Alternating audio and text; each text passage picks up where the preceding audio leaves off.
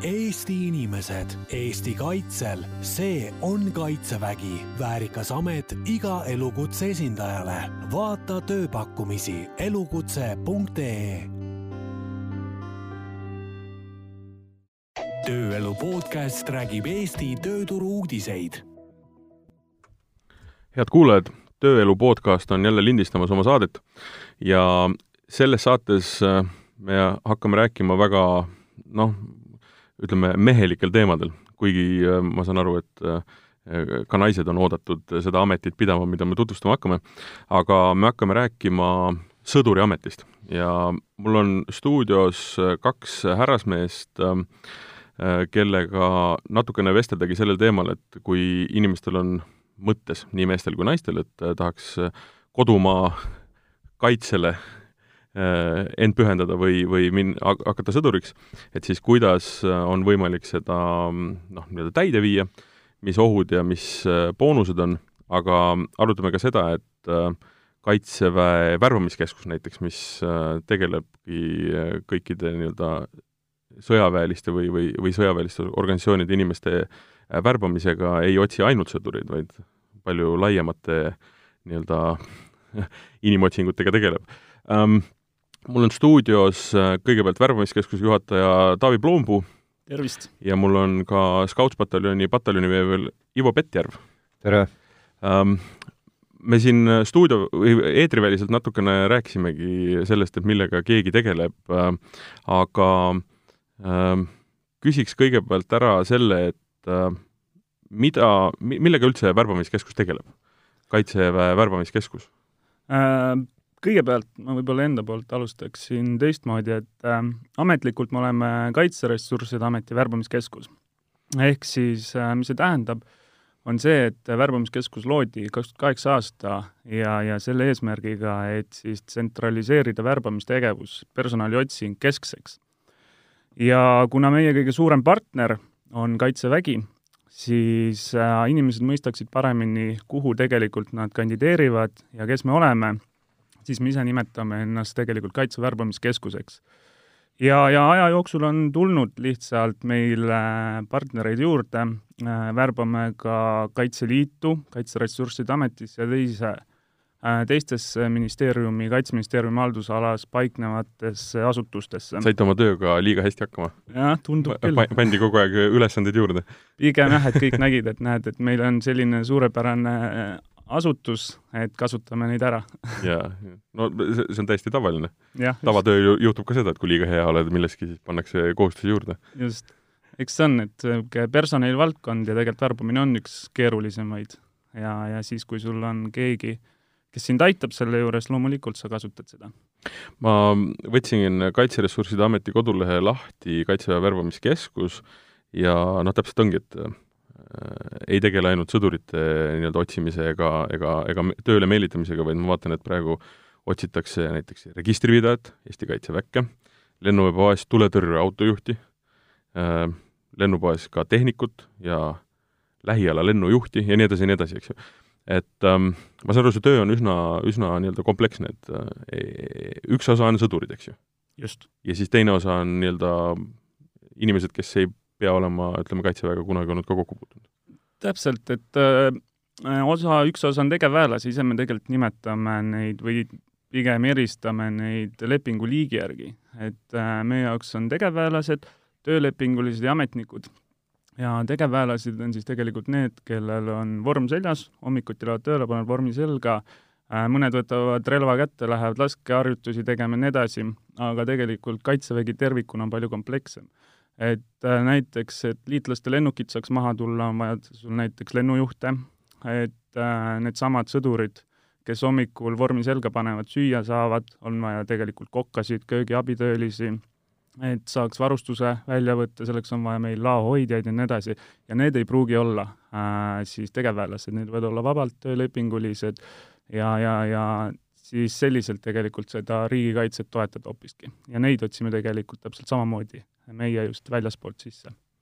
aga kui palju on neid inimesi, kes äh, ütleme, tulevad siis ütleme, süsteemi seest ja kui palju on neid, kes tegelikult äh, noh, ma mõtlen, samamoodi on vaja ju nii-öelda lennujuhte, nagu sa mainisid, ja on vaja IT-inimesi, et äh, kui palju neid tuleb ka väljaspoolt, kui palju tuleb majast seest no.? majast seest, kui noh, ütleme sellest nii-öelda fiktiivsest majast, mis hõlmab kõike, kogu Eesti kaitsega seotud asju, eks ju? no ma arvan, et tegelikult äh, suuremal või vähemal määral tegelikult enamik äh,, kes kandideerivad, tulevad selles mõttes äh, majast seest, et äh, nad on tulnud tegelikult äh, ajateenistus, ajateenistus andnud selle alus militaarhariduse, mille pealt tegelikult juba Kaitseväkke tööle tulla on väga okei okay. ja, ja nad saavad väga hästi hakkama. aga loomulikult äh, see ei välista, et keegi teine võiks tulla, et noh, ma ütlen, et meie tegelikult värbamiskeskusena oma põhitööna just sellele keskendumegi, et me saaks just väljast sisse võtta. et Kaitsevägi ise tegelikult oma karjäärisüsteemide ja, ja, ja sellise haridussüsteemidega toodab piisavalt äh, häid inimesi, et täita ära need tegevväelaste ametikohad. aga just sellised toetusfunktsioonid, äh, need tulevad tegelikult just väljaspoolt sisse, mis me ütleme, sama IT-inimesed, äh, kokad ja, ja nii edasi ja nii edasi, kes siit on tegelikult juba läbi käinud, et Kaitsevägi tegelikult neid välja ei õpeta. Ja selleks on tegelikult Eesti riigis teistsugused haridusasutused, kes seda välja õpetavad, ja siis neid me tegelikult püüd-, üritame püüda siit tööturult kinni ja tuua nad tegelikult Kaitseväkke tööle. töö iseenesest ju ei erine ühegi teise nii-öelda personaliotsingu ettevõtte tööst tegelikult?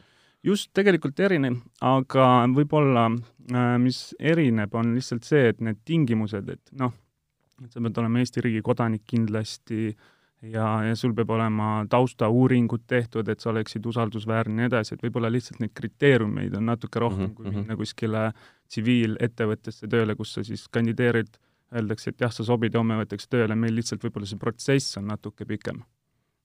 seda ka kokkade puhul äh,? nii-öelda?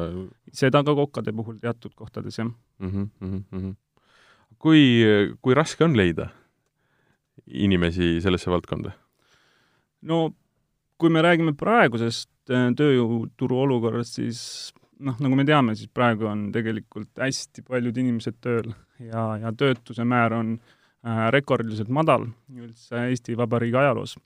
ja selle puhul siis ma ütleks, et inimesed tegelikult liiguvad rohkem, et me nüüd tegimegi just aasta kokkuvõtteid ja võiks öelda, et äh, selle valguses tegelikult on päris okei okay. et äh, töö on, töö, tööd on nagu hästi tehtud selles mõttes, et et on küll palju ametikohti, mida me tahame ära mehitada, aga samas tegelikult inimesed on valmis ka täna liikuma üsna palju, et äh, otsima just paremaid töötingimusi ja Kaitsevägi on selline turvaline äh, tööandja tegelikult, kus julgetakse tulla, sest nad teavad, et äh, et kui ma sinna tulen, siis minu haridusse ja väljaõppesse panustatakse just töö mõttes ja sama, et, et neil on ka turvatunne tuleviku suhtes, et, et kui Kaitsevägi pankrotti ei lähe, ja, ja nii edasi, et, et neile ka töö jääb tulevikus olema, kui peaks tulema mingisugune kriitilisem hetk majanduses no kaitseväe pank-, pankrotti minek tähendab ka riigi pankrotti minekut ja siis ei ole enam nagu eriti mingi, millegi pärast nagu vaja muretseda, eks ju. või, või siis vastupidi, jälle palju muretseda.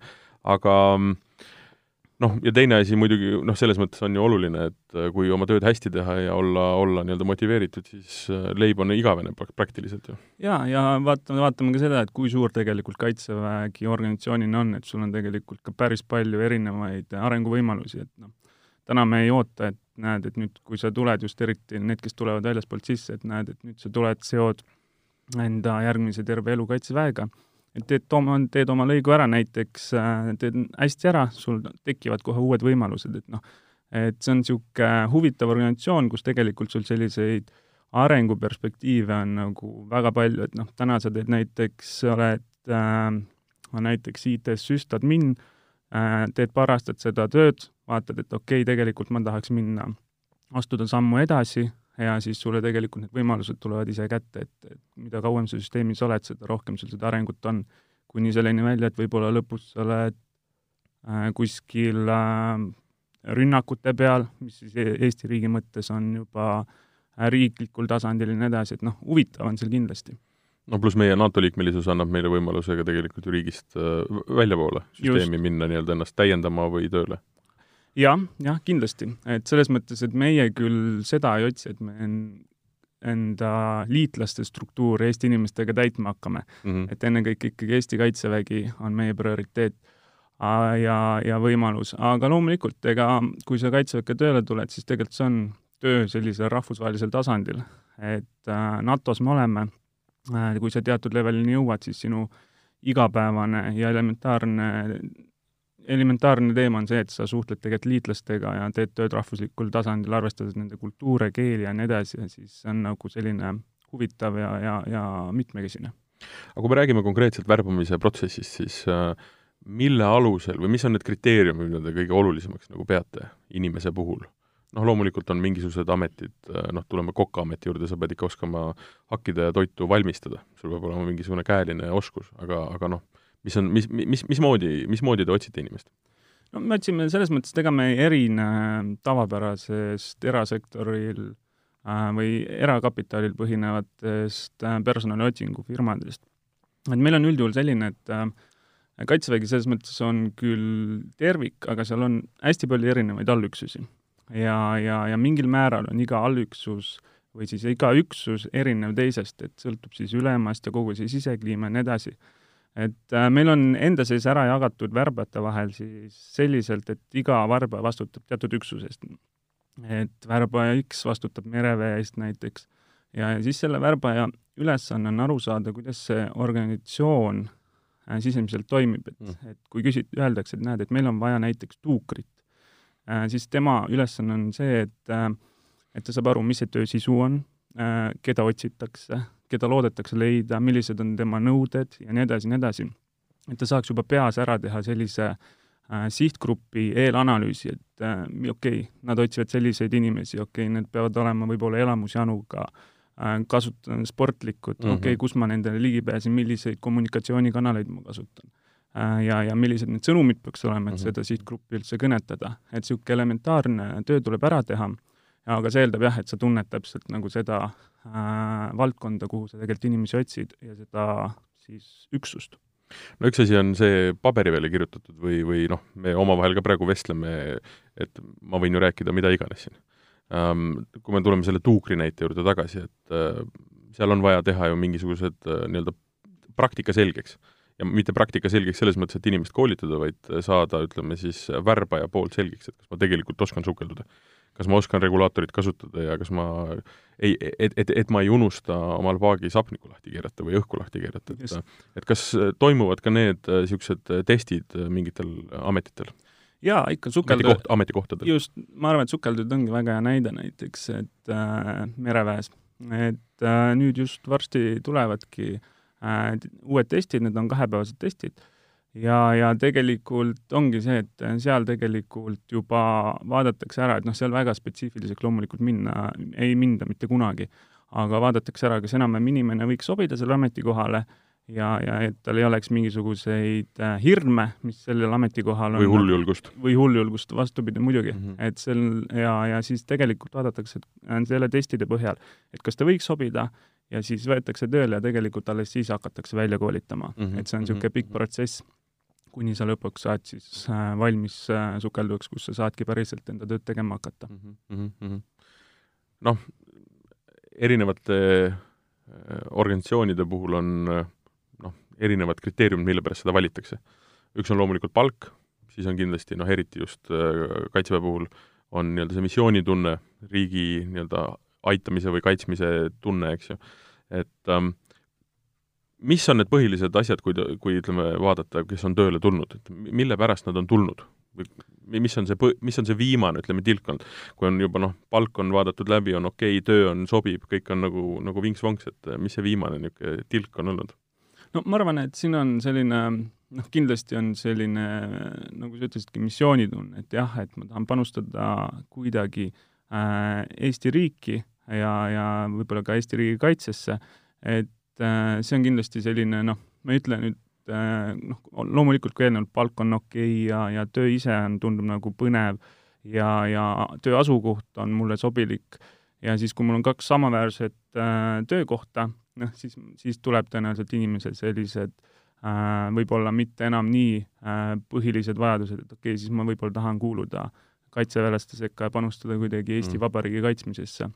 aga noh, need ei ole kindlasti äh, ma ei ole kohanud veel inimesi, kes ainult sellise tuhinaga tuleb, et, et andke mulle midagi kätte, aga peaasi, et ma saaks Eesti riiki kaitsta, et, et selliseid ei ole, et siin on hästi palju erinevaid kriteeriume veel, et noh, nagu me ikka iga päev oma otsuseid teeme, et me ei tee ainult ühe selle kriteeriumi põhjal neid nojah, aastaid on läinud palju mööda, ma arvan, üheksakümnendate alguses oli see üsna tavaline, et niimoodi tuldi tööle ja,. jah, jah, noh nüüd on vaata lihtsalt see, et nii palju töökuulutusi, nii palju pakkumisi on, et viska ühte, võta teist, et sul on tegelikult lihtsalt seda valikuvabadust on nii palju tulnud, et kuhu minna ja mida teha. kui sa peaksid ütlema kolm asja, mis on ütleme, põhiline tugevus, ütleme, nendel töökohtadel või selles organisatsioonis, kuhu sina või teie seal nii-öelda äh, terve osakonnaga inimesi otsite, et mis need peaks olema või mis need võiks olla? no kindlasti on stabiilsus, ma arvan, et äh, inimesed, kes otsivad enda elus, noh, teatud hetkedel kindlasti otsivad stabiilsust, siis ma arvan, et Kaitsevägi on selline väga hea koht, kus sa seda leiad äh,. teine on äh, põnevus kindlasti, on see, et noh, sõltumata sellest, millisel ametikohal äh, sa kaitses oled, siis tegelikult äh, sul on üsna mitmekesine töö et, et sul ei teki sellist rutiini liiga palju. ja ma arvan, kui kolmand-, kolmandat mõtlema hakata, siis ma arvan, et ongi see, et sa saad tegelikult selles äh, kaitsesüsteemi sees tegelikult ise päris palju liikuda, et kui sa teed äh, oma töölõigu ära, sa oled seda juba näiteks kaks-kolm aastat teinud, siis sul tegelikult, kui sa ise tahad, siis on sul võimalus tegelikult edasi liikuda kuskile sealsamas organisatsioonis mm, -hmm. aga tegema mingisugust teist töölõiku. et äh, selles mõttes, et on nagu üks suuremaid organisatsioone, kus te, seal on nagu võimalusi ka. ja mitut inimest te praegu otsite? täna hommikul ma vaatasin, oli meil kakskümmend aktiivset töökuulutust üleval. loomulikult tegelikult me otsime rohkem, et mm -hmm. äh, sõdureid äh,, Scouts-pataljoni me võtame ja. iga kell vastu, ootame kogu aeg ja no sõduritest me hakkame jah rääkima, see on hoopis teine nagu äh, veel, veel, veel oma, omakorda teine, teine natuke teema mm. -hmm kindlasti on ka sihtotsinguid selles mõttes, et äh, väga konkreetsetele ametikohtadele. jaa, jaa, loomulikult, et ega meie värbamiskeskuses noh, ütlen, meie nagu põhitee on kindlasti personaliotsing, aga loomulikult on ka meie üks suur äh,, suur roll on seal, on ka kogu see kommunikatsioon ja kogu selle värbamise info välja mm -hmm, kommunikeerimine mm. -hmm et selleks me kasutame ju väga palju erinevaid äh, kanaleid, et meil on oma tsentraalne veebisait äh, elukutse.ee, kus on tegelikult kõik mm. Kaitseväe töökuulutused kirjas, aga loomulikult me paralleelselt kasutame ka CV Online'i, CV Keskust, äh, erinevaid mobiilirakendusi, samamoodi tegelikult noh, tänapäeval ei ole enam see, et nagu oli võib-olla mingisugune kümme Äh, aastaid tagasi, et panen kuulutuse üles, ootan, millal kandidaadid külge tulevad mm -hmm. ja sealt valin siis endale kõige parema, tänapäeval seda selliselt enam ei ole, kui selliselt teha tegelikult sa ei leia mitte kedagi. et täna sa peadki just ju kasutama sotsiaalmeediat ja, ja, ja kõiki neid äh, rakendusi, sõnumeid, et kuidagi seda äh, inimese jaoks atraktiivseks teha, et tänapäeval meil tuleb nii palju infot iga päev sisse lihtsalt ja, ja kuidas sa sellest infost eristad, et selle ja selle viimase sammu ära, et okei okay,, inimene äh, vaatab, mõtleb, klikkab mm, -hmm. otsib infot edasi ja kandideerib, et see inimpsühholoogia on täna, no sealt, noh, sealt tuleb nagu tegelikult teha asju teistmoodi, kui on, kui on varasemalt tehtud. kas see suund, et äh, värvata, ütleme, rõhudes just sellele elukutsele, rõhuda sellele elustiilile, kas see on olnud õige otsus? on see, on see tulnud kasuks? ma arvan küll, sest et noh, mingil määral mingil määral ta tegelikult ongi elustiil. Mm.. et selles mõttes, ega me siit ei saa üm-, üle ega ümber, et äh,, et kogu see suur tervik, mis sa, mis sa tegelikult siin ümber tuleb, et et see ei ole ainult see, et ma käin kaheksast viieni tööl, et sa pead ju ikkagi olema valmis ka öösel reageerima vajadusel ja nii edasi, nii edasi, sa mõtled, sa hakkad uudiseid lugema võib-olla just sellises valg-, valguses ja nii edasi, nii edasi, et see jah, ja samaaegselt sa saad vabadel hetkedel äh, panustada, käia siis äh, laskmas või, või rännakutel, et et mingil määral tegelikult ongi elustiil, et see on sellise, kuidas ma ütlen siis, niisuguse aktiivse inimese elustiil võib-olla, et noh, et käia matkadel ja, ja, ja, ja suusatamas ja niisugune hoida ennast füüsiliselt vormis kogu aeg mm -hmm. ja nii edasi, eks ta mingil määral muutubki elustiiliks ja niisuguseks, et ei ole ainult lihtsalt amet, et ma lähen kaheksast viieni sinna. näited on alati head asjad, nendega on võimalik kirjeldada erinevaid olukordi, et äh, kas sul tuleb pähe mõni ütleme, kõige niisugusem huvitavam ja põnevam värbamine mingile ametikohale ja võib-olla ka kõige raskem ähm,? Jaa, ma arvan küll, ma võib-olla esimesena mulle meeldivad alati vaadata ajateenijaid.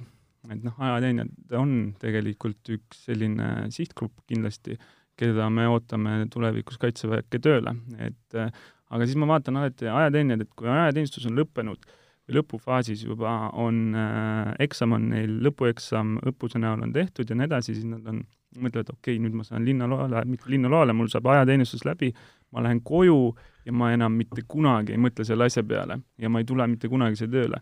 ja siis lähevad koju, on kolm kuud kodus, suvel puhkavad, pidutsevad, siis, kui hakkab sügis kätte jõudma, kus nad peaksid hakkama mingisuguseid otsuseid tegema, siis me lõpuks leiame nad ikkagi enda värbamiskeskuselt, et okei okay,, ma tahan minna Scouts-pataljoni, kahe aasta pärast on võib-olla missioonil. Et -hmm. selles mõttes, kuidas neil tegelikult selle kolme kuuga kogu see asi, kui nad järgi mõtlevad, mõtlevad, okei okay,, see oli tegelikult päris fun, ma võiks igapäevaselt niisugust äh, tööd teha ja ma võiks selle eest äh, tasu saada, et kuidas neil see, lihtsalt see mõte muutub aga teistpidi ma arvan, kõige huvitavamad värbamised või võib-olla isegi mitte värbamised, aga Äh, sellised töövestlused võib-olla on erioperatsioonide väejuhatuses, erioperatsiooni grupis, kus sa tegelikult viiakse sind füüsiliselt ja vaimselt ikkagi nii kõrgele mhm. levelile mm, -hmm. et, et ähm, sa pead ikka väga palju tahtma, et sinna tööle saada, et neid katseid ära teha. et ma arvan, et see on väga kõige ekstreemsem näide võib-olla. ma just tegin selle lehega lahti järgmised valikud, sinna toimuvad äh, aprilli alguses, juuli alguses ja augusti lõpus mm. -hmm, just, kolm korda aastas on võimalik äh, nendel katsetel osaleda. Aga loomulikult sinna ei tasu külma kõhuga peale minna mm,. ma saan aru, või ma mäletan, et äh, üks ajakirjanik on ka käinud seal katsetamas, noh, lihtsalt, et saada teada, mis see tamp on, et ma mäletan äh, telepildilt näha see noh, kohvikruusiga telekas istudes oli see kõik väga naljakas, eks ju, aga kui hakkasid järgi mõtlema, siis ikka päris karm. just, ja mõtle, kui sa oled valmis sellise äh, teekonna ette võtma, et tööle saada, siis jah, siis sa pead olema väga motiveeritud selleks. aga üldiselt äh, noh, leiab inimesi ikkagi üsna lihtsalt, ma eeldan. noh, jätame, jätame selles mõttes nii-öelda turuolukorra korraks kõrvale, et et tegelikult inimesed tahavad Eesti riiki teenida? jaa, üldjuhul küll, selles mõttes, et tegelikult ähm, kaitseväel on tegelikult üsna, üsna head tingimused, et äh, et meil ei ole tegelikult probleemi liiga palju sellega, et me ei leiaks inimesi. jah, siin on küll teatud valdkonnad, nagu ikka Eesti riigis on, et äh, näiteks IT-valdkond on selline võib-olla äh, ma ütleks, et keerulisem täita, aga võib-olla seda kvaliteeti, mida tahaks kohe nüüd ja, ja mm -hmm. saada, et seda, seda nagu on võib-olla keeruline leida, et seda tuleb, tuleb välja koolitada ja õpetada ja ja, ja natuke ikkagi rohkem aega temale panustada, et võib-olla noh, on teatud valdkondi võib-olla, kus on natuke keerulisem siis inimesi leida, et aga, aga ma ütlen, praegu tegelikult kuigi äh, inimestel on tööd, siis ma ütlen, et inimesed on valmis päris aktiivselt liikuma ja, ja, ja tegelikult leiab ikka inimesi. nüüd jõuamegi tegelikult selle osa juurde, mis on nii-öelda imaginaarne teine plokk selles saates, et äh, hakkame rääkima sellest äh, värbamisest, mis tegelikult on vist äh, kõige olulisem ja kõige suurem, ehk siis sõdurid. ja ma saan aru, neid sõdureid te otsite nii noh, piltlikult tänavalt, aga ka siis äh teenistujate hulgast, kes praegu nii-öelda siis on, äh, on Kaitseväes noortena teenimas, eks ju? just et äh, nii ajateenijate näol kui ka ei ole harv või noh, mis ma ütleks, et üsna, tihti on see, kus meile tuleb lihtsalt äh, uksest sisse noor mees äh,, ütleb, et ma tahaks nüüd minna, tulla sõdurina kaitseväkke tööle ja, ja siis paari nädala pärast me anname üle Scouts-pataljoni ja siis alustab seal enda teenistust. Kaitseväe eksklusiivsem pataljon ehk äh, Scouts-pataljon äh, ähm, me, me siin saateväliselt rääkisime ja, ja ma olen ka olnud väga nii-öelda küll vähe ja ammu natukene seotud selle organisatsiooniga, aga et äh, mis on Scouts-pataljon, millega ta tegeleb ja kes on need inimesed, kes seal, kes seal töötavad? Scouts-pataljon on esimese jalaväebrigaadi koosseisu kuuluv äh, professionaal, enamalt jaolt professionaalidest äh, koosnev äh, lahingüksus kiirreageerimisüksus, ehk siis meil on suhteliselt lühikene valmidusaeg, mis ajaga me peame valmis olema ja välja liikuma oma ülesannet täitma. ja jah, ja nii ta ongi, et ega meil on ka hetkel ajateenijad olemas, aga enamalt jaolt me koosneme tegevväelastest. ma saan aru, et ajateenijad on üsna vähe aastaid ja Scouts-pataljoni koosseisu? jaa, sel aastal on nad kolmandat korda, et enam-vähem see isikkoosseisu arv on äh, kolmandat aastat enam-vähem sama olnud kust see otsus tuli, et võtta ka ajateenijad Scoutspataljon'i? Äh, jään vastuse võlgu, kust see, kust see tuli, aga, aga ma arvan, et see on äh, väga hea mõte, et me toodame ikkagi endale reservi ja mm, -hmm. ja selles mõttes ka, et äh, kuna Scoutspataljoni tegevus kui selline on ikkagi agress-, mitte agressiivsem, aga me teeme suhteliselt palju äh,, oleme palju metsas, meie korduste arv on palju, siis need ajateenijad, kes meilt tulevad, nad saavad, ma arvan, et parima väljaõppe, mis ajateenijatel üldse võimalus saada on. Ma saan aru, numbrid on umbes sellised, et äh, Scoutspataljonis teenib äh, circa kuussada meest, ähm, lisaks siis ähm, nii-öelda ajateenijad ja et äh, üsna kõrge number on see, et eelmisel aastal üksteist meest peale ajateenistust otsustas jääda nii-öelda üle teenima jah, need olid need, need, kes meie juures aega teenisid ja nendest üksteist jäi üle, et see oli nagu noh, ütleme nii, et väga noh, me jäime selle numbriga rahule mm. -hmm ja noh, Scoutspataljon on ju nii-öelda see pataljon, kes käib välismissioonidel. jaa, et, et hetkel on meil üksus Malis ja ka Afganistanis, kahes kohas. ehk et see töö ei ole ainult Eestis? Äh, jah, et, et tegelikult noh, enamus tööd on ikkagi see, et me valmistume Eesti riiki kaitsma, see on meie põhitöö või põhiülesanne. Aga see nii-öelda meile on antud lisaülesanne ka missioonides äh, käia, mis Eesti riik meile paneb. aga kui kirjeldada, mis mis, mismoodi, ütleme, Scoutspataljonis elu käib? mis, mis see töö on, mis, mis on sõduri töö? see on alati ju hästi niisugune, kõik arvavad, et nad teavad, mismoodi sõduri töö käib. istud metsas mm, -hmm. vaatad sinna, siis vaatad teisele poole, et ega vaenlast ei tule, siis kaevad kaeviku ja siis oled seal, noh et -hmm. noh, lööks selle illusiooni nagu, nagu katki, et okay.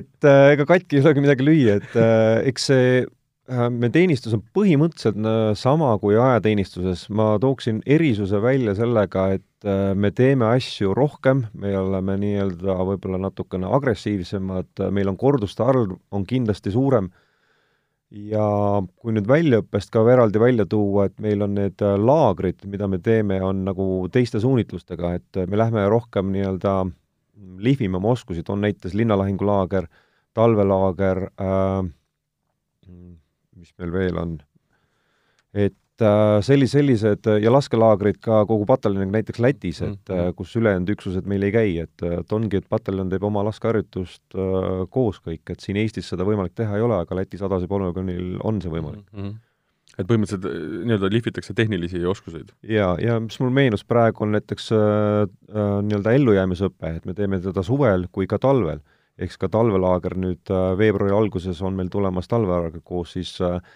lääneliitlastega, Briti lahingugrupp, kes meil on, et nendega oleme keskpolügoonil ja oleme kaks nädalat metsas nendega. ehk siis teised seda selliselt ei tee, loodetavasti tuleb ka lumi maha, et me saame hmm. ka suuskadel seda teha, et jah. no lund loodavad kõik, mitte ainult Scoutspataloni inimesed, eks um,. aga nüüd, kui konkreetselt tulla selle nii-öelda noh, ma ei tea, ütleme, in-, inimene äh, lennujuhtimistorni või, või kokaks, see on nagu värbamine, ma saan sellest aru, aga samas sõduril noh, on ikkagi värbamine mm. -hmm. kuigi noh, võib-olla veider on seda sõna kasutada, arvestades, et sa ikkagi noh, et kui, kui mina lähen tööle, siis ma eeldan, et noh, see on äkki, äkki viieks aastaks, äkki kümneks aastaks, et noh, sõduri elukutse noh, ei, ei pea olema eluaegne, aga tihti on eluaegne, et, et kuidas see sõdurite otsimine käib?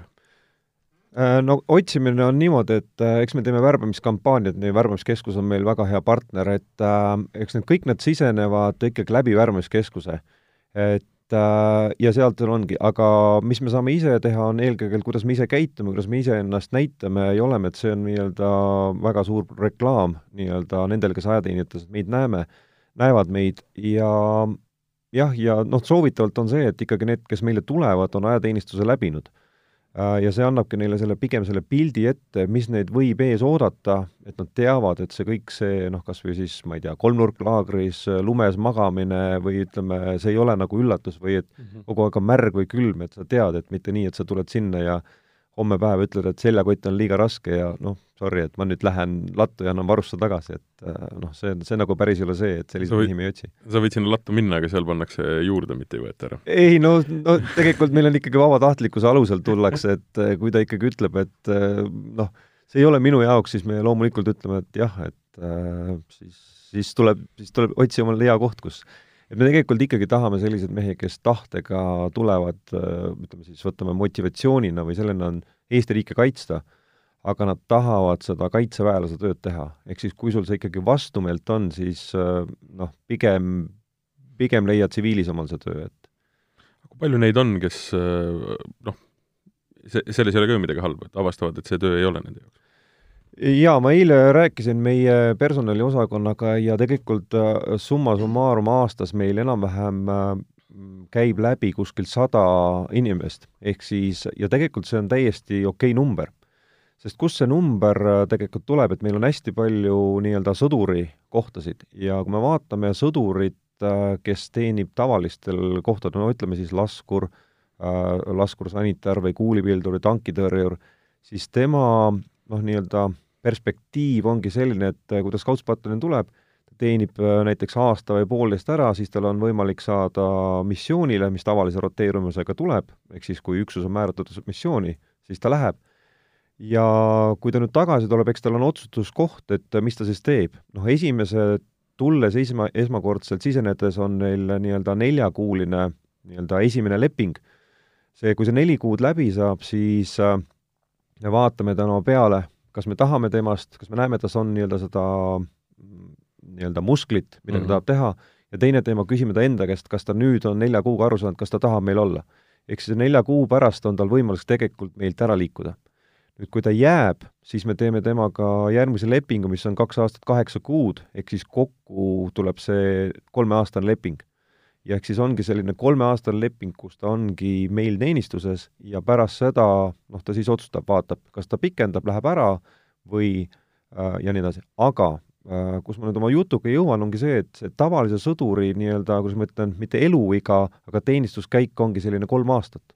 Eks ta saab aru, et äh, see kolme aastaga ta on ühe või kaks missiooni käinud, ta on oma kogemuse kätte saanud, võib-olla ka raha kätte saanud, ja nüüd, kui ta ise tunneb, et temas perspektiivi enam näiteks jaovanemaks või rühmavanemaks või ohvitseriks saada ei ole, siis ta ütlebki, et okei okay,, et ma sain nii-öelda, isu sai täis ja ta lähebki ära. ja sealt see tegelikult see sada äh, number sada mhm, tulebki mm. -hmm. et inimesed saavad ise aru, et noh, nüüd ütleme nii-öelda noh, isu on täis aga mis see protsent või number on see, kes noh, ma ei tea, kas eluaegne on siis nagu hea sõna, aga aga ütleme, pärast seda kolme aastat teevad järgmise lepingu?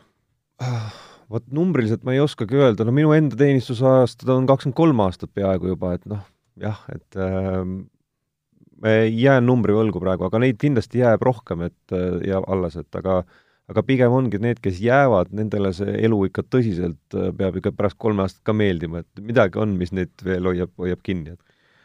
Aga mm, see, see ongi hea, ma tegelikult tahtsingi sinna selle vestluse tüürida, et miks äh, äh sõdur Pettjärv jäi äh, üleajateenijaks ja on kakskümmend kolm aastat Eesti Kaitseväes töötanud? okei okay, ähm, ma saan aru, et see tuleb üks pikem jutt nüüd. jaa, et ma olin ajateenija õhutõrjepataljonis ja tegelikult sel hetkel, kui ma seal olin, siis äh, meil oli ohvitsere vähe ja olles ajateenija allohvitser, mind määrati juba rühmaülema kohustusse, kus ma pidin tunde andma ja vastutust võtma ja kõike nii-öelda aga sellega seoses anti mulle ka tegelikult äh, kuidas ma ütlen siis, usaldust või krediiti, ehk siis ma olin ainuke pataljonis, kellel oli võimalus käia õhtuti väljas äh, jooksmas teatris, kinos ja mul ei olnud nagu selles mõttes, nagu täna on see normaalsus mm, -hmm. aga võtame kakskümmend kolm aastat tagasi, kus äh, ma võisin käia, noh, põhimõtteliselt tööpäev sai nagu läbi, ma võisin käia jooksmas ja nii edasi, et ma sain sellise privileegi tänu sellele, et ma sain nii-öelda, öeldi, et hakka nüüd seda tegema mm. -hmm. ja no siis ma tegin seda ja kokkuvõttes see ei olnud kerge aga mul jäi nagu sellest positiivne nii-öelda tagasiside kui sellise, et kui meeldiv, ehk siis minuga suhtus, suhtuti nii-öelda, kuidas ma ütlen, nagu võrdväärselt mm. -hmm. ma küll ajateenistuse lõpetasin ära ja olin siis neli näd-, neli kuud nii-öelda kodus, seal oli see nii-öelda värbamis, mitte värbamisprotsess, vaid taustakontrolli, kõik see protsess võttis aega ja pärast seda sisenesingi siis äh, rahuoperatsioonide keskusesse, mis sel hetkel asus siis Paldiskis ja mm -hmm. siis jäingi tegevväelaseks. aga noh, ütleme see üks, üks pool oli see meeldiv pool, aga mis selle tegelikult äh, nii-öelda teadlikkuse profiarmeest üldse tõi, oli äh, Kurkse katastroof mm -hmm.. ehk siis lugedes sõdurilehte või sellist me saime teada, kus äh, ehk siis need, kes hukkusid seal, ja selles lugedes sõdurilehes äh, nii-öelda siis seal oli värbamiskuulutus, et otsitakse Balti pataljoni rahuvalvesõdurid. ja sealt tekkis nagu klikk, et ahah, meil on ka selline koht olemas nagu Balti pataljoni rahu mm -hmm., rahuoperatsiooni keskus. ja sealt see tegelikult tuli toona see vist jah, nii tuntud ei olnud kui täna, et Scoutspataljoni teab ikkagi, ma arvan, üheksakümmend üheksa protsenti eestlastest. jaa, see üksus oli ka, et kui me räägime nüüd Balti pataljonist, siis Eestis asus ju ainult üks kompanii, Alfa mm. kompanii, pluss siis äh, väike miinipildorühm ja luurerühm, ehk siis ja ülejäänud üksus oli ju teiste kahe Balti riigi vahel ka ära jagatud, Lätis ja Leedus, et et kogu pataljon oli nii-öelda kolmeks jaotatud, et see üksus ei olnud nii suur. aga ma saan aru, et sõdurite otsimine käib ühtemoodi, aga Scoutspataljonil on ka teisi inimesi vaja, eks ju. et ähm, need inimesed siis äh, otsib põhimõtteliselt siis värbamiskeskus, eks ju? Ehm, tegelikult äh, on nii, et või, või nii-öelda mehitate ise seestpoolt? jaa, et kui nüüd äh, keegi, ütleme, Kaitseväe-siseselt soovib äh, meiega liituda, siis pigem käib see nii-öelda personaalne kontakt, ütleme, vanem allohvitser helistab näiteks mulle mm. või võtab kellegi tuttavaga ühendust, kuule, et äh, kas teil on pataljonis näiteks rühmavanema kohta või on võimalik missiooni minna, siis ta võtab minuga ühendust või kellegagi ja me ütleme, okei okay,, vaatan koos seda tabelit, okei okay,, siin on koht olemas või täna näiteks ei ole, aga näiteks kuue kuu pärast vabaneb see koht ja siis me võimaldame tal tulla. ehk siis see käib läbi personaalselt, läbi mhm, isikliku mhm, tutvuse mm. -hmm. ja samamoodi on ka need ohvitserid, kes soovivad kuskilt tulla, et see on nagu pigem niisugune mm, isiklik suhtlemine, et kes soovivad äh, selliselt tulla, loomulikult on ka seal personali planeerimine taga, karjääri planeerimine taga, aga ikkagi suheldakse väga palju üksteisega, et kas on ja mida see, mida see endaga kaasa toob mm -hmm. ja mhm. nii edasi. kui nagu karjäärivõimalustest rääkida Scoutspataljonis, siis äh, noh, üks asi on see, et äh, palk on kindlasti üsna konkurentsivõimeline, töö nõuab kindlasti väga palju, aga ütleme, kuhu on võimalik jõuda, kui ma astun Äh, nii-öelda teenima, siis äh, kus, noh, ma ütlen, see on halb võib-olla, aga kus mu lagi on?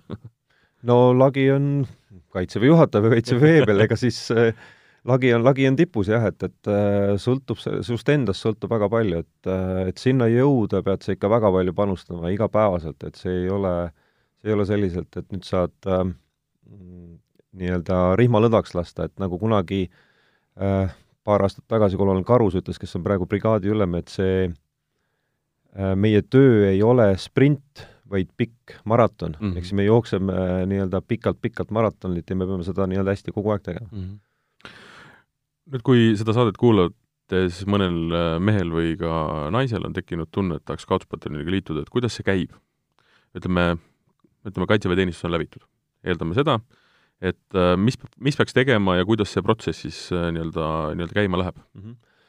no Äh, eelkõige ikkagi ta võiks ennem uurida, kui ta ajateenistuses on, uurida seda, mis Scoutspataljon on, et ta saab mingigi pildi ette, kas oma tuttavate kaudu või värbamisürituse, kui me teeme, et läheb juurde, küsib, uurib, mis võimalused on ja nii edasi, eks tal juba tekib mingisugune tunne, et päris nagu musta auku ei astu. kui tal see huvi ikkagi jätkub, siis äh, värbamiskeskusega tuleb ühendust võtta, nemad on need, kes tegelevad äh, kõigi taustakontrollidega ja muude asjadega. ehk siis, ja siis, kui see mees on nii-öelda kuidas ma ütlen siis, äh, need taustakontrollid ja meditsiinikontrollid, kõik asjad on tehtud, et ta on põhimõtteliselt meie jaoks kõlbuks, siis mm. värbamiskeskus võtab meiega ühendust, ütleb, et näete, mees soovib teile tulla ja siis me vaatame sellise koha, äh, eelistatavalt üritame anda talle seda, mida ta tahab, noh, alati kõike ei saa, et võib-olla täna sa ei saa seda kohta, aga võib-olla aasta pärast või kahe pärast sa saad selle koha mm. -hmm. ja, ja nii ta käib, jah. aga noh, see sama küsimus, et äh, nagu nende tuugritega oli, et noh, ütleme, IT-inimene on võimalik paberi ja varasema töökogemusega panna üsna selgelt paika, et mida ta oskab, mida ta ei oska, eks ju, kokkadega samamoodi näiteks, on ju. Mhm. Ähm, kuidas te sõdurit testite, kuidas see me-, kuidas seda meest testite?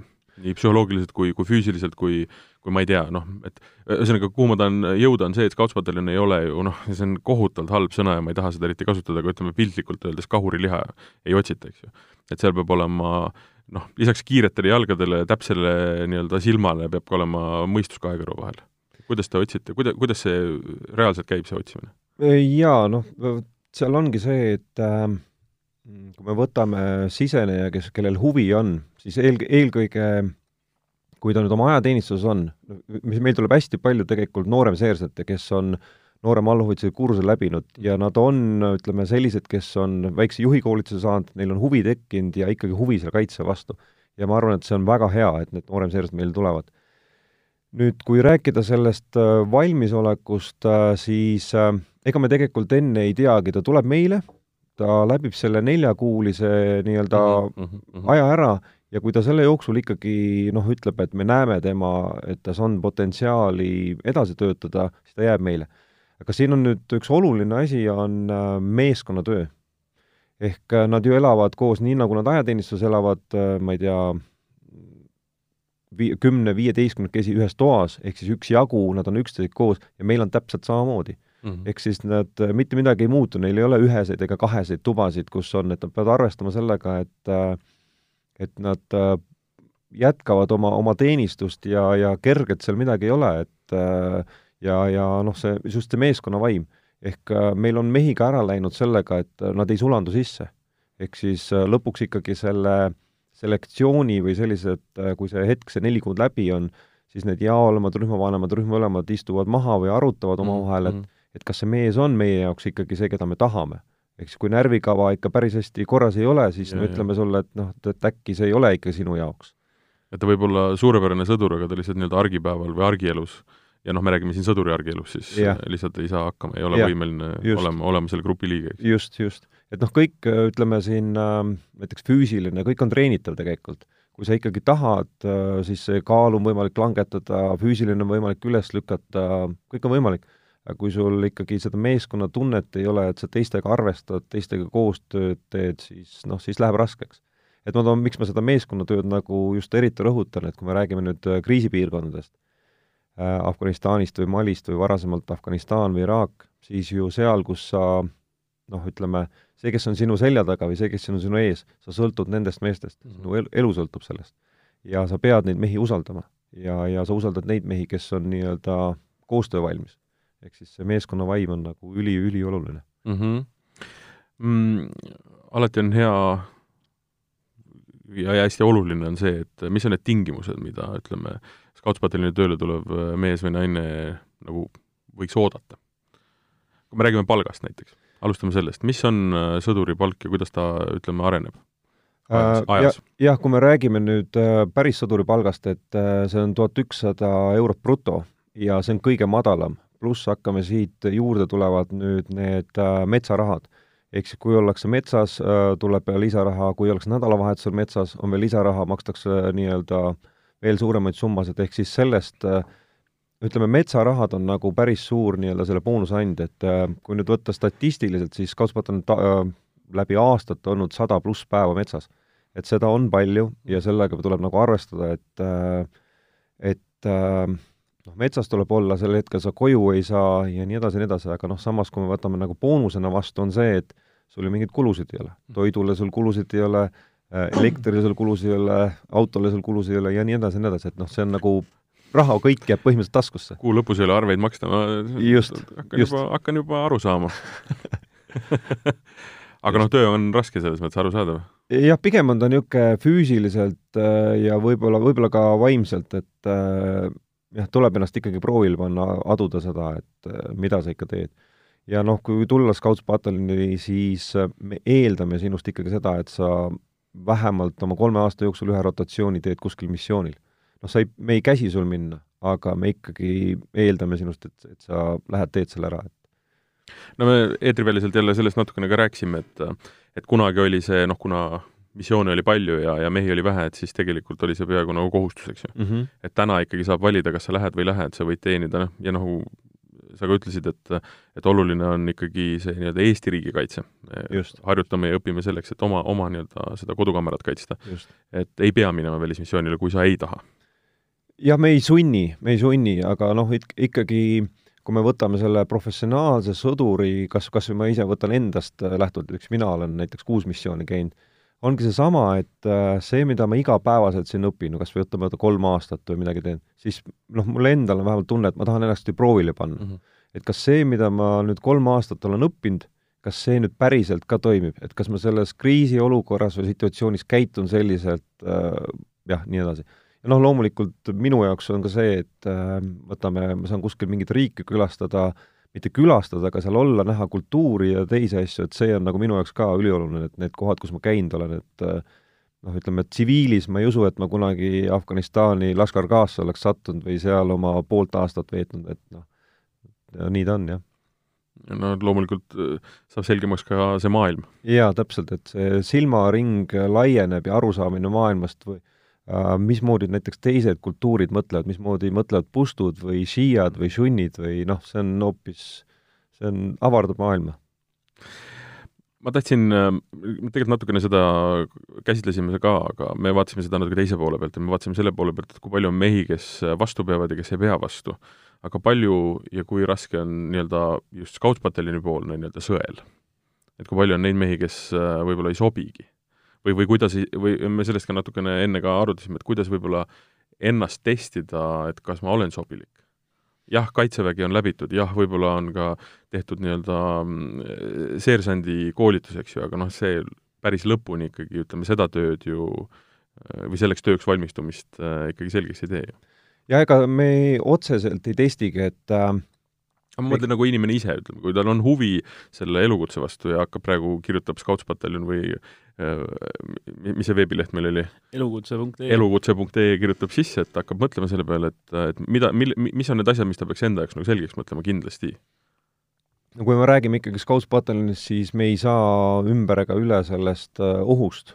ehk äh, kui me, kui ta teab, et ta tuleb meile, ta teab, et ta tahab ka missiooni minna, siis missioonid on äh, kõrgendatud äh, nii-öelda riskiga piirkonnad ja noh, seal võib kõike juhtuda mm. -hmm.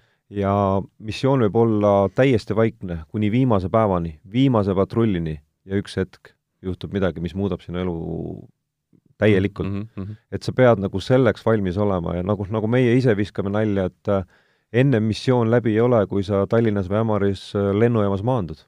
nii lihtne see ongi. et, et nagu ma ütlesin, näited on kõige paremad, kuidas sa endale, enda jaoks selle valmis mõtlesid, ma saan aru, et sinu esimene missioon oli äh, Jaa, ja rahulik Kosovo, ehk siis aastal kaks tuhat, et äh, selles mõttes on äh, kui me võtame psühholoogilises mõttes või ütleme, ettevalmistuse mõttes, oleks hea käiagi rahulik missioon esimesena.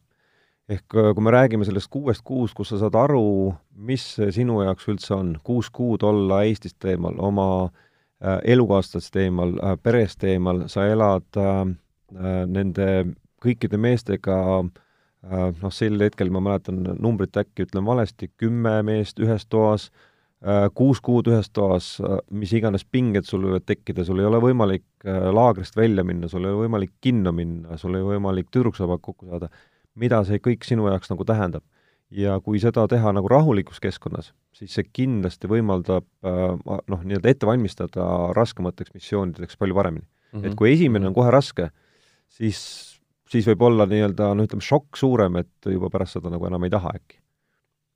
et noh, sõduri ja eriti Scouts-pataljoni meeste puhul äh, surm on teema, millega tuleb tegeleda. et see, sellest ei pääse nagu ümber, et noh, et ma sülitan kolm korda üle õla, et äh, kellegagi seda ei juhtuks, noh, paraku see ei ole minevikus nii läinud ja kahjuks me tulevikus ei saa ka kindlasti seda väita, et seda ei juhtu enam, eks ju. et äh, kas ähm, ku-, kuidas selle vastu valmistada?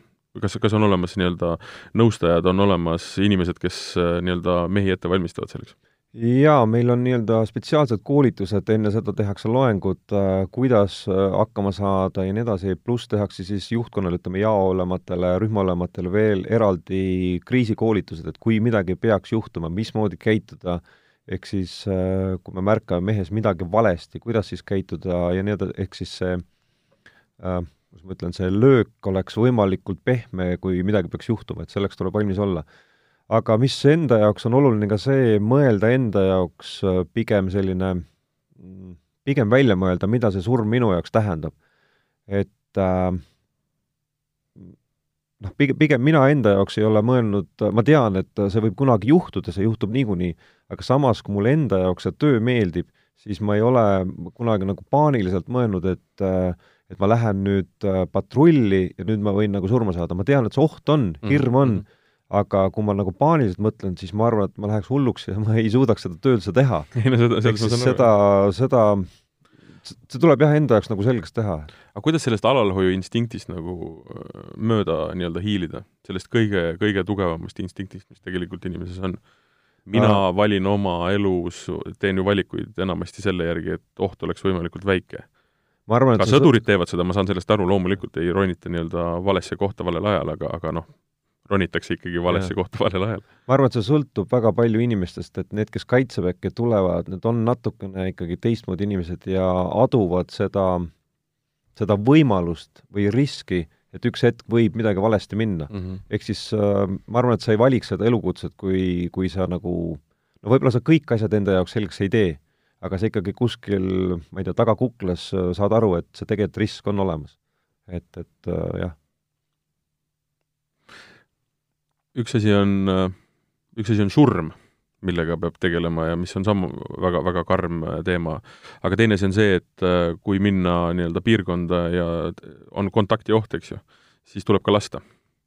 ja, ja, ja, ja nii-öelda tapmine on selle nii-öelda töö ka üks osa, et äh, ku-, kuidas, noh, jälle sama küsimus, ma kordan ennast, eks ju, et äh, see on ka asi, millega tuleb tegeleda. me jälle eetriväliselt sellest natukene rääkisime, et ähm, me ju tegelikult ei tea mitte kunagi, kuidas inimene käitub äh, kui ta on pinge all, mingi väga, väga räige pinge all, väga ootamatus situatsioonis, et et äh, ma ei tea, kuidas te ise nii-öelda oma meestega seal, seal nii-öelda seda ette valmistate? või, või, või, või ütleme, kui palju on olnud ka neid olukordi, kus, kus näiteks noh, ma ei oska seda nüüd sõnastada, aga et ongi vaja inimest äh, nagu selgelt õpetada laskma. ma, ma saan aru, mitte, mitte nii-öelda märki laskma, aga aga inimest laskma. okei okay,, päriselt me nii ei õpeta, eks ta, eks ta raske on just, just psühholoogiliselt, et äh, me igapäevaselt ju teeme trille ja asju, võtame mm -hmm. kas või seesama mm -hmm., lähme lasketiiru, laseme sihtmärki.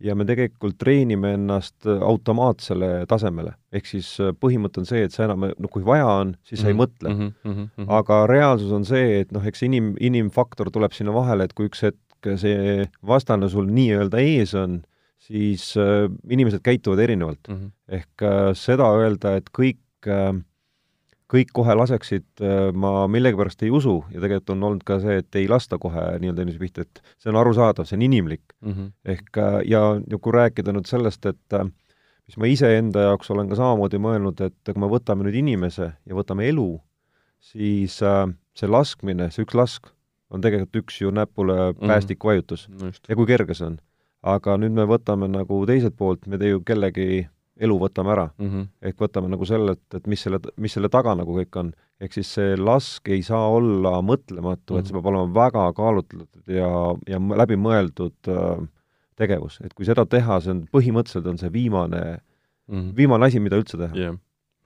noh, me siin mitu korda seda rõhutanud, et et mehed, kes missioonidele lähevad, ei lähe sinna ju ei saa, ei, ei saa nii-öelda vormi selga ja panda kohe lennukile. selles mõttes, et äh, treening on nii karm, raske, pikk, et põhimõtteliselt äh, need on kõik need mõtted suutnud tegelikult enda jaoks nagu selgeks mõelda, enamus mehi äh, jaa, noh, nagu ma ennem rääkisin sellest meeskonna vaimust, äh, siis kui meil nüüd äh, noorsoo, nii-öelda kutsume ennast nagu noorsõduriteks, kes meile tulevad, nad on küll tegevväelased mm, -hmm. aga kutsume nendeks siis nii-öelda alles sisenejad, siis me ei saada neid mitte kunagi kohe missiooni just seesama, esiteks meeskond kasvab kokku äh,, äh, nad saavad üksteist aru, mismoodi käituda ja, ja noh, ütleme, enam-vähem statistika näitab, et aasta või isegi kaks aastat läheb selleks, et nad missiooni jõuavad. ehk siis selle aasta-kahega nad saavad aru, kes nad on, kus nad on, kes on nende kõrval, keda nad saavad usaldada ja kuidas mingites olukordades üldse käituda ja loomulikult äh, ka enne missiooni on äh, kolmekuune missiooni spetsiifiline väljaõpe mm, -hmm. kus nad omakorda testivad, mängitakse vastavalt nendele siis ütleme, kas Malile või, või Afganistanile mingisugused situatsioonid äh, läbi mm, -hmm. mis siis samamoodi äh, kinnistavad nende oskusi ja siis tekib veel omakorda, ehk siis me tegelikult ei saada inimesi nii-öelda ilma väljaõppeta äh, missioonile. ilma väljaõppeta ja üksi? Selles mõttes ongi ja, meeskond, et ja. see on ka ikkagi konkreetne tagala ja, ja kindlasti ju omavahel arutatakse neid asju. jah, no üksi toon näite, et äh, meil nii-öelda põhimõte on see, et üksi ei lähe sa ka noh, ütleme laagrist välja minnes, üksi sa ei lähe isegi nurga taha mitte mm -hmm., ehk siis seda äh, oma loomulikke vajadusi rahuldama sa üksi sinna ei lähe, sest seal nurga taga sa lähed ja kui sa üksi sinna lähed, sa ei pruugi sealt enam kunagi tagasi tulla. ehk siis teine mees, kes on sinu lahingpaariline mm, -hmm. tuleb sinuga kaasa, veendub, kuhu sa lähed. et, et äh, jah et see on nagu üks, üks tingimus et mhm. üksi ei minda kuhugi väljaspool nii-öelda turvatud ala. ja noh, ma ütlen, et äh, Scoutspataljoni äh, nii-öelda treening ja, ja ütleme, tase on ikkagi mitte ainult äh, kinnitust leidnud sellest, et te ise räägite et me teeme head tööd ja olete palju missioonidel käinud, vaid äh, ikkagi tegelikult ka liitlased peavad äh, Scoutspataljon'i ju väga kõrgetasemeliseks üksuseks. Jaa, mis välja joonistab, noh, üks asi on oskused, aga ma tooks välja ka selle, et mis on öeldud teiste üksuste poolt, on see meie distsiplineeritus mm. -hmm. ehk seda on välja toodud, et me ikkagi oleme noh, ütleme, ma ise tooks selle punkti välja, et see väljaõpe, mida me teeme, selle aja jooksul nad kasvavad kokku äh, ja saavad aru, mida nad teevad ja see omakorda kajastub ka missioonil. ehk mhm, siis, kui mm -hmm. Eestis ollakse nii-öelda üksus, saadakse kokku äh,, kasvab kokku, siis see väljendub ka tegelikult missioonis. siis, kui me saadaks kohe noore sõduri nii-öelda välja õppimata üksuse välja, siis ma arvan, et tulem oleks kohe ka peegelduks seal missioonis, et, et mm -hmm. seda me mhm. üritame ka vältida noh, väldimegi. ja, ja, ja väga edukalt, ma saan aru. jah, jah, tundub nii, jah. seda on hea kuulda, kui, kui tänusõda öeldakse um,. Nüüd um,, kas äh, see, et missioonile kutsutakse või ma, ma, ma, vot see ongi hea küsimus, et, et kuidas see missioonide asi käib, et äh, need on äh, NATO poolt ehk siis meie liitlaste poolt, meid kutsutakse, on see meile kohustus, on see meile privileeg ja privileeg tänu sellele, et me oleme heal tasemel? no ütleme nii, et Riigikogu peab selle kinnitama, Riigikogu annab meile mandaadi ja selle alusel me lähme sinna, loomulikult alati vaadatakse sellest, et kas riigil endal on ressurssi seda isikkoosseisu sinna saata. aga kui ma nüüd võtan ise ka selle aja tagasi, et nüüd kakskümmend kolm aastat tagasi, kus meil Kaitsevägi siis oli ja kus me praegu oleme, siis noh, see on minu enda arvamus, aga ma arvan, et me oleme selle ajaga väga palju arenenud ja selle arengust ühe osa kus me saanud oleme, on tegelikult tänu sellele NATO liikmelisusele ja missioonidele. ehk siis see, kui me ikkagi käime väljas, treenime, näeme, mis teised üksused teevad, võtame need britid, võtame need ameeriklased, äh, noh, me näeme nende taset ja me üritame ju nende tasemele jõuda ja nendest paremad olla ja see on meil kindlasti andnud äh, väga hea nagu nii-öelda, kuidas ma ütlen siis, selle boost'i, kus me oleme arengu teinud nii kiiresti ja noh, seda ju teised riigid ju räägivad, et mhm, uskumatu, et kus mhm, tasemel me oleme, et arvatakse, et me oleme nii-öelda, kuidas ma ütlen, nagu kuskil taga, tagaääremaa või selline, aga tegelikult äh, nii ei ole, et me oleme väga, väga võrdväärsed partnerid äh, liitlastele. Kui nüüd äh, seda juttu kuulates kellelgi tekkis, ma eeldan, et neid inimesi on väga palju äh,, tekkis soov tulla Scoutspataljon'i teenima, et äh, kuhu peaks pöörduma, mis on esimene samm äh,? Värbamiskeskus siis värbamiskeskuse kodulehele, vaadata sealt infot, võtta nendega ühendust ja sealt tuleb äh, kogu info, mida nad äh, edasi pea, peaksid tegema.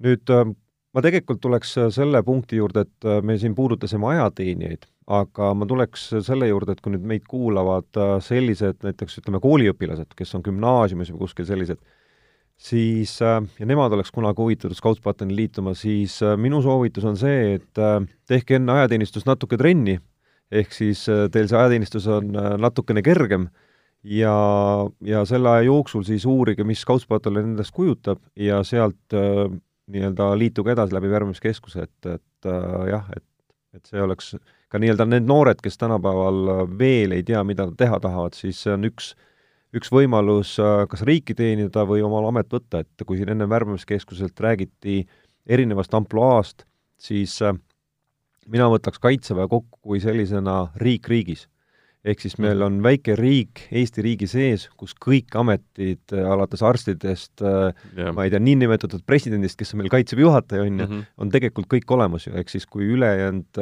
põhimõtteliselt Eesti riik peaks kokku kukkuma, siis Kaitsevägi peaks ikkagi edasi toimuma, noh põhimõtteliselt. et meil on kõik ampluaa tegelikult olemas. et kui inimene uksest sisse saada, siis küll talle koht leitakse? jah, täpselt. igal inimesel on Kaitseväes kindlasti töö olemas. Ei ole vahet, mida sa igapäevaselt teed ja oled õppinud, aga kindlasti seal süsteemis sa leiad endale põneva elukutse. üks on elukutse, teine on nii-öelda, või noh, ongi see, see mm, küsimus sõduriks hakkamisest, see on ikkagi äh, ütleme, üsna, üsna konkreetne ja tegelikult ikkagi pikk äh, protsess ja, ja otsus, eks ju, et et kas on ka mingisugune koht, äh, kus tegelikult äh, praegu tegevväelastega noh, mitte võib-olla kohtuda, aga saada infot küsida. Sest et noh, üks asi on jah, värbamiskeskuses saad teada, et kuidas, ütleme, kandideerida ja, ja kuhu ilmuda ja mida teha, aga aga küsimus on selles, et keegi seletaks, mis see töö tegelikult on, kas selline koht on olemas, on mõni veebileht, on konkreetselt mõned inimesed, kellega saab kohtuda? no ma võib-olla kui toimuvad mingisugused näiteks äh, vabariigi aastapäeva paraad või mm, -hmm. või Kaitseväe aastapäev, siis tegelikult äh, erinevates linnades on ju kogu aeg kaitseväelased väljas. Ja olge lihtsalt julged, astuge ligi, küsige, äh, mis igapäevatöö välja näeb, äh, kohapeal sõdurid räägivad avatult, äh, milline on nende igapäevane elu. Kaitseväes, olgu see siis kautspataljon või mingisugune teistsugune üksus. Ja, ja lihtsalt inimestel olge julged ja julgege küsida, siis te saate kõige siirama infoga sealt Eesti kaitse, Eesti kaitsmine ja Eesti heaks töötamine on kindlasti väga väärikas, väärikas töö, nii et ärge, ärge peljake siis äh, astu, astuda ligi ja, ja küsida, kuidas see töö tegelikult käib.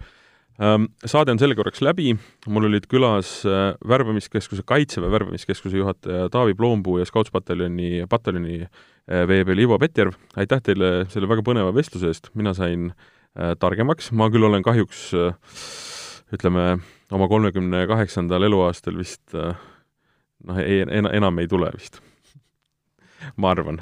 aga, aga, aga ma, aga, aga, aga ma kujutan ette, et mulle leitakse ka koht. igatahes et väga hea, kui, kui mul ajakirjaniku töö lõpeb, siis ma lähen äh, Kaitseväkke ja hakkan seal tegema kõiki neid asju, mida on võimalik teha ähm,. mina olin saatejuht Martin Hanson, järgmine saade on nagu iga kord täiesti teisel teemal, seniks aga kena talve Eesti inimesed Eesti kaitsel, see on Kaitsevägi, väärikas amet iga elukutse esindajale. vaata tööpakkumisi elukutse.ee. tööelu podcast räägib Eesti tööturu uudiseid